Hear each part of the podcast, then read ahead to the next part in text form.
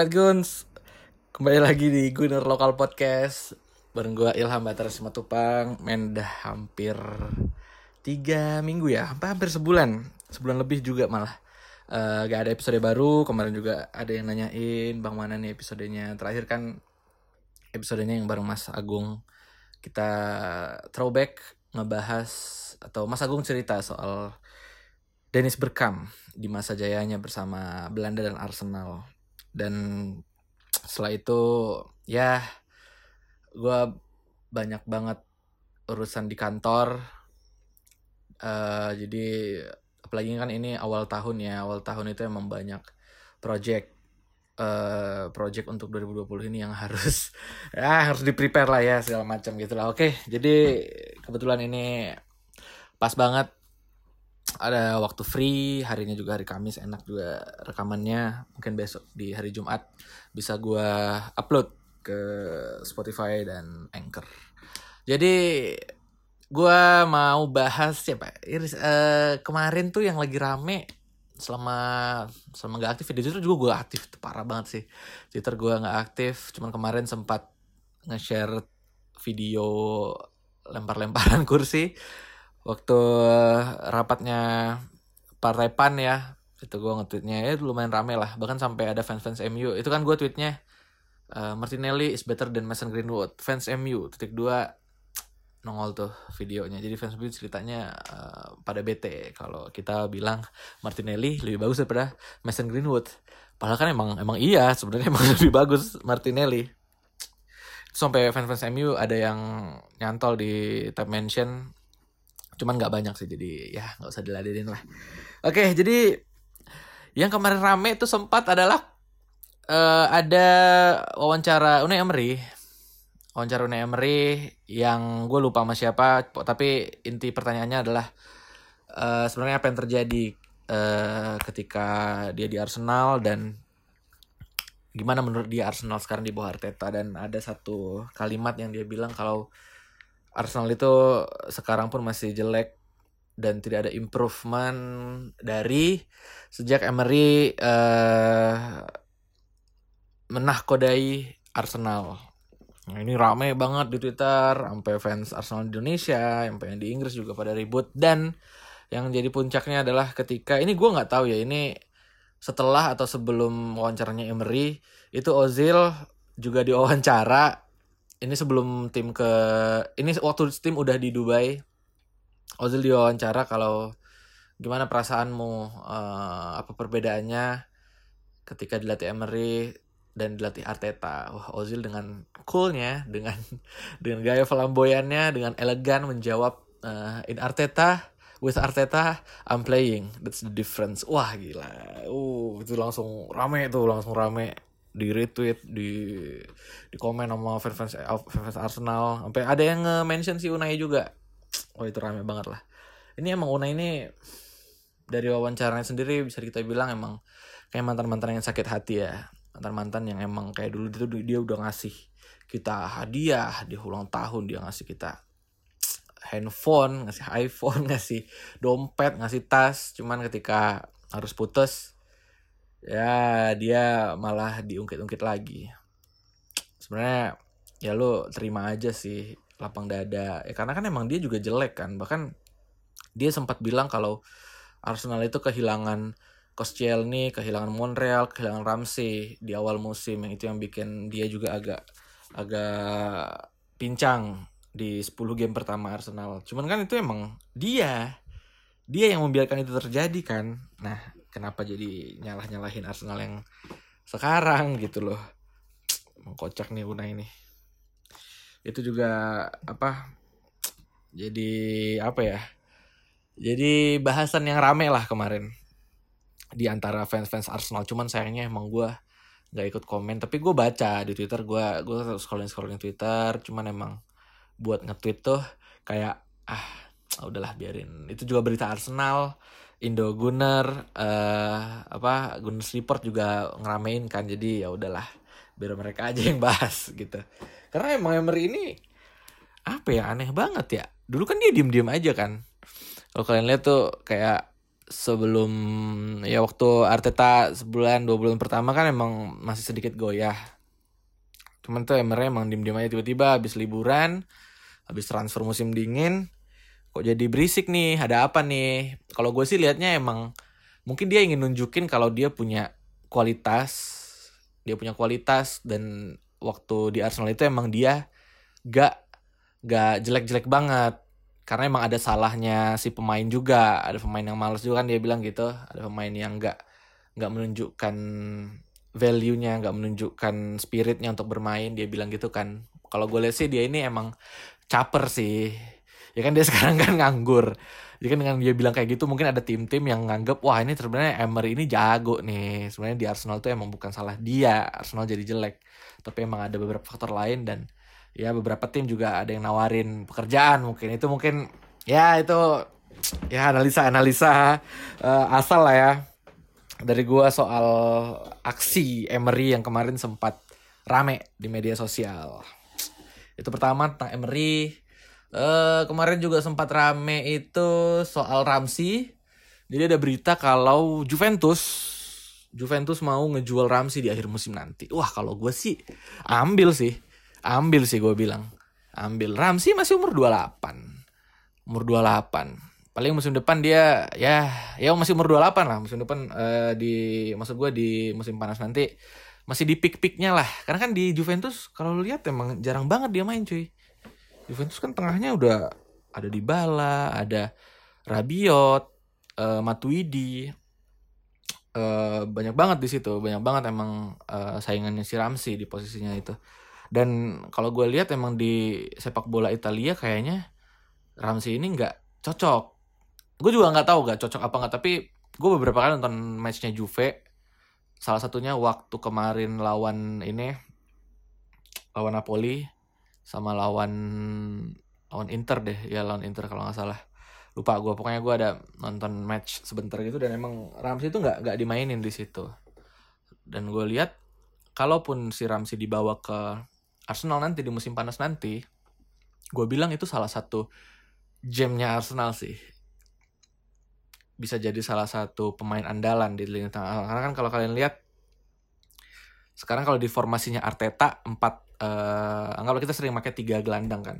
Ozil, uh, dan duanya itu kalau nggak Torreira, Shaka, Guendouzi, Shaka.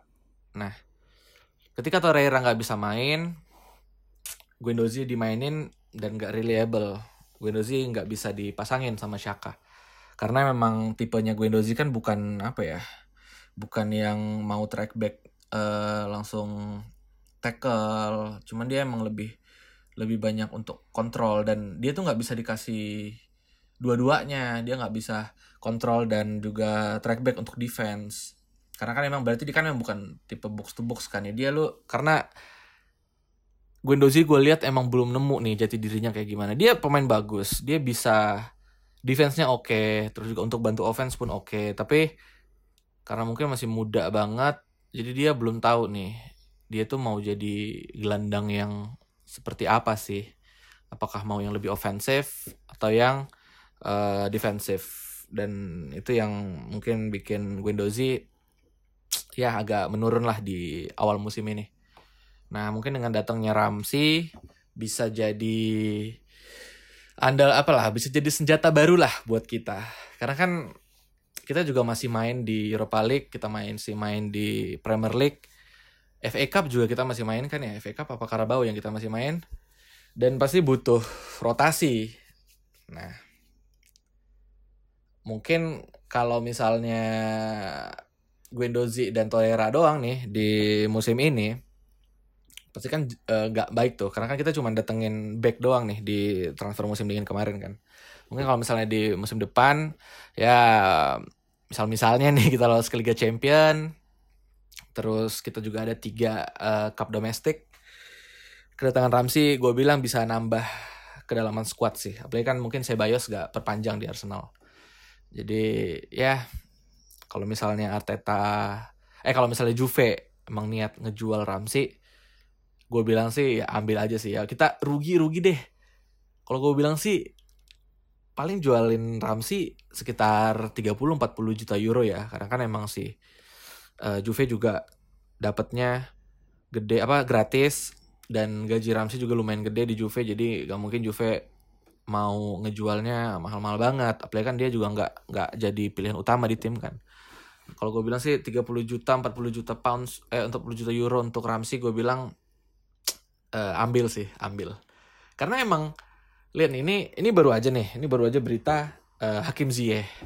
Hakim Ziyech yang kemarin sempat digadang-gadang menjadi pengganti Ozil tiba-tiba deal sama Chelsea sama rival kita malah.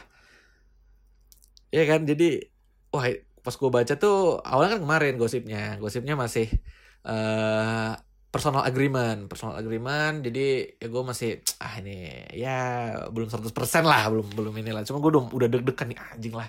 Hakim Ziyech malah ke Chelsea gitu kan. Makin jago nih tim nih apalagi kita belum ngalahin dia kan musim ini. Kita kalah sama seri sama Chelsea musim ini. Tiba-tiba deal tadi sore eh tadi pas maghrib selesai maghrib udah deal sama Chelsea Ajaxnya. Pilihan untuk pengganti Ozil kan jadi makin dikit kan. Kita cadangan nggak ada pemain yang sekreatif Ozil. Ozil juga penampilannya udah menurun banget. Uh, gosip sempat uh, bilang kalau si Kai Havertz yang mau dibeli sama Arsenal tapi Kai Havertz udah tinggi banget sih harganya. Mungkin itu udah bukan udah bukan buruan kita lagi sih. Itu udah udah kayak buruannya Real Madrid buruannya Barcelona uh, Juve City Liverpool sih pemain-pemain kayak itu. Ya sekarang gue juga nggak tahu siapa yang bisa jadi gantiin Ozil. Nah sambil menunggu nih nyari pengganti Ozil dan pasti untuk ganti Ozil gue bilang kita butuh duit banyak kan. Daripada belinya yang gak jelas mending investasi dulu aja ke si Aaron Ramsey. Kalau misalnya ntar dia dijual gitu. Jadi uh, kemarin juga sempat dibahas tuh sama berita Arsenal atau Gunners Report ya gue lupa emang uh, dia bikin vote gitu. Uh, kalian setuju nggak kalau Arsenal beli Ramsey atau enggak di musim depan? Hasilnya emang masih lebih banyak yang setuju. Berarti emang fans-fans Arsenal tuh masih pada sadar lah kalau Ramsey itu keberadaannya tuh emang penting untuk tim. Gitu. Uh, ya itu tadi untuk untuk soal si Aaron Ramsey. Selanjutnya uh, preview game ya preview game. Next kita lawan hari Minggu. Hari Minggu kita lawan Newcastle United. Iya Newcastle United ya? Coba gue cek uh, jadwal dulu agak lupa lupa nih kayaknya lawan Newcastle sih lawan Newcastle. Kita lawan Newcastle kemarin uh, menang menang 1-0 golnya Auba Aubameyang. Ya Arsenal lawan Newcastle. Di pertandingan uh, pertemuan pertama kita menang itu kan uh, pembukaan ya, pembukaan liga. Kita menang 1-0. Kalau untuk nanti gue optimis tetap menang sih. Ya enggak, kita meskipun kemarin kita sama Burnley seri 0-0. Tapi setelah melihat keceriaan, kebahagiaan dan keriangan pemain-pemain ketika liburan, dalam tanda kutip liburan ke Dubai, kayaknya bakal bawa vibe yang ya vibe yang positif lah ke ke London. Jadi untuk match hari Minggu nanti, gue harapnya sih uh, vibe uh, bahagia itu bisa tercipta juga di lapangan. Karena kita sama Newcastle poinnya sama. Kita sama Newcastle poin cuman Newcastle menang selisih gol jadi dia ada di peringkat 9. Kita masih peringkat 10. Dan kemenangan ini gue bilang kalau misalnya menang di pertandingan ini uh, krusial banget sih. Krusial banget karena di pertandingan selanjutnya itu uh, lawan kita lumayan dalam tanda kutip lumayan agak susah tapi ya tim-tim mediocre mediocre yang tiba-tiba bisa nyusahin Arsenal sih kayak Everton, uh, West Ham, Brighton. Lawan Brighton kita sering banget tiba-tiba jadi jadi aneh permainan kita. Uh, jadi kalau misalnya menang lawan Newcastle nanti hari Minggu nanti mungkin bisa di pertandingan pertandingan selanjutnya kita bisa dapat hasil yang tetap positif. Kalau untuk tim sih kemarin lawan Burnley secara bertahan kita udah udah oke okay banget. Transisi bertahan itu kita enak banget. Gue ngelihatnya gak seambruk waktu sama Emery. Cuman memang yang dikorbankan adalah uh, apa attacknya. Attacknya memang sedikit agak tersendat di tengah karena memang pemain jadi lebih banyak berkumpul di uh, lapangannya uh, di bagian defense. Dan di, di depan itu cuman ninggalin tiga striker tiga penyerang si Auba terus Auba Martinelli sama si Lacazette sama Ozil kan. Dan emang agak susah sih kalau apalagi lawan tim kayak Burnley kan yang emang ngandelin fisik. Itu tiga pemain kita fisiknya cuman Lacazette yang bisa adu body uh, menang sisanya kan kayak ringkih-ringkih gitu ya mungkin ini masih proses sih. Gue sih harapnya fans-fans uh, Gunners-Gunners yang lain tetap sabar karena nggak mudah. Gue gue sempat bilang waktu episode sama Mas Rio sempat bilang kalau untuk mengubah uh, mengubah Arsenal ini gak bisa cepat. Kalau mau ya tetap satu-satu. Ya dan gue lihat sih si Arteta ini mau benerin defense-nya dulu nih. Ini nunjukin ada progres lah ya di defense kita. Meskipun di sektor penyerangan juga masih amburadul. Ini tim kita ini emang agak susah bro. Agak-agak aneh juga kan peninggalannya. Sebenarnya dari peninggalan Wenger pun udah udah agak timpang. Apalagi Emery datang terus juga dia mungkin di musim pertama dia masih membangun kan. Terus di sampai di musim keduanya cuma sampai 9 match akhirnya ini kita pindah estafet lagi ke Arteta. Ya harus terima apa pun yang ini sih apa pun yang sedang terjadi sih. Gue sih tetap percaya sama Arteta. Dia udah nunjukin kalau Arsenal mainnya jadi lebih baik dan terutama dari segi harmonisasi tim ya. Balik lagi gue juga baru lihat tadi ada wawancaranya Mesut Ozil dengan uh, Mesut Ozil sama si Lacazette. Mereka bilang setelah dilatih sama Arteta yang paling uh, yang paling terasa itu adalah kebahagiaan di ruang ganti. Ruang ganti jadi happy lagi jadi riang lagi dan nggak ada yang ngomongin di belakang. Dibilang si Ozil kayak gitu. Nah ini kan indikasi ada kalau emang pemain-pemain pun udah put respect sama si Arteta. Dan pemain-pemain pun juga happy nih dilatih sama Arteta. Itu sih yang paling penting. Karena kalau misalnya udah di udah happy ini dilatih sama sama si Arteta apa pun taktik yang diusahakan sama Arteta atau apa pun taktik yang disusun sama Arteta pasti bisa diterima dengan baik sama pemain. Mungkin uh, di musim depan kita kan udah datang Saliba Saliba udah datang terus juga katanya sih ada duit untuk transfer itu lumayan gede. Karena kemarin si Arteta memang nggak nggak pernah ngasih apa ya nggak pernah ngasih clue gitu kan. Tapi uh, eh, gue baca di mana tuh lupa gue pokoknya ada sekitar 200-300 juta pound sterling untuk belanja Arsenal di musim depan. Nah itu sebenarnya mungkin bisa dipakai untuk beli striker ya. Karena kan Auba juga udah mulai tua. Terus Lacazette masih angin-anginan. Tapi ini balik Lacazette. Kalian uh, ada yang baca ini nggak? Ada yang baca artikelnya Arsenal Kitchen tentang Lacazette? Gue sebenarnya salah satu yang sempat pesimis sama performancenya Lacazette di beberapa game terakhir.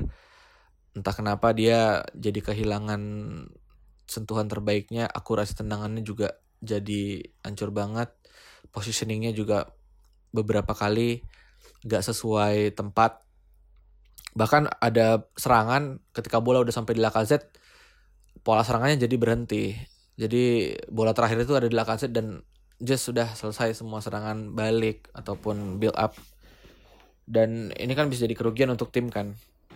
Kalau kalaupun mau dicadangin agak berat juga karena yang emang bener-bener striker murni nomor 9 itu kan di tim kita cuman si Lacazette. Sisanya kan kayak Aubameyang, Martinelli kan pemain sayap yang dijadiin striker gitu.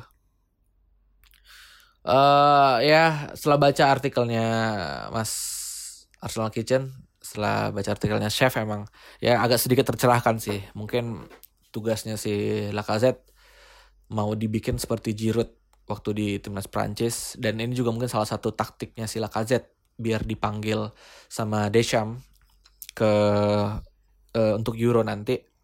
Tapi kan ini juga bakal ngerugiin Arsenal nggak sih kalau emang si Lacazette udah nyoba beberapa kali dan emang nggak nggak nggak apa ya nggak nggak bisa untuk ngelakuin itu kenapa sih dia nggak balik lagi aja jadi penyerang yang emang nomor 9 emang penyerang yang fox in the box gitu. Karena ketika dia nyoba terus nyoba terus dan gagal itu tadi yang rugi kan tim. Yang rugi kan tim gitu loh. Jadi gue ada ada setuju juga dengan uh, artikelnya chef yaitu uh, dia kan sempat uh, callback permainannya si Lacazette waktu di Lyon. Gimana dia jadi pemantul yang baik gimana dia jadi apa ya jadi dinding lah untuk pemain sayapnya uh, Lyon waktu itu. Di Arsenal kan dia sempat juga kayak gitu tapi di beberapa game terakhir dia nyoba kayak gitu dan gagal. Kan bisa jadi ada dua. Yang uh, alasannya kenapa dia gagal. Yang pertama emang emang dia udah apa ya udah mulai gak cocok untuk melakukan tugas itu. Atau yang kedua alasannya ya uh, pema apa pemain lawan tuh udah bisa baca. Kalau si uh, Lacazette ini bakal ditugaskan sebagai pemantul. Jadi uh, ya sebenarnya untuk balikin uh, kepercayaan dirinya dia kita harus kasih ke Arteta lagi ya. Ini sekarang pilihannya uh, ya uh, keputusannya itu ada di Arteta.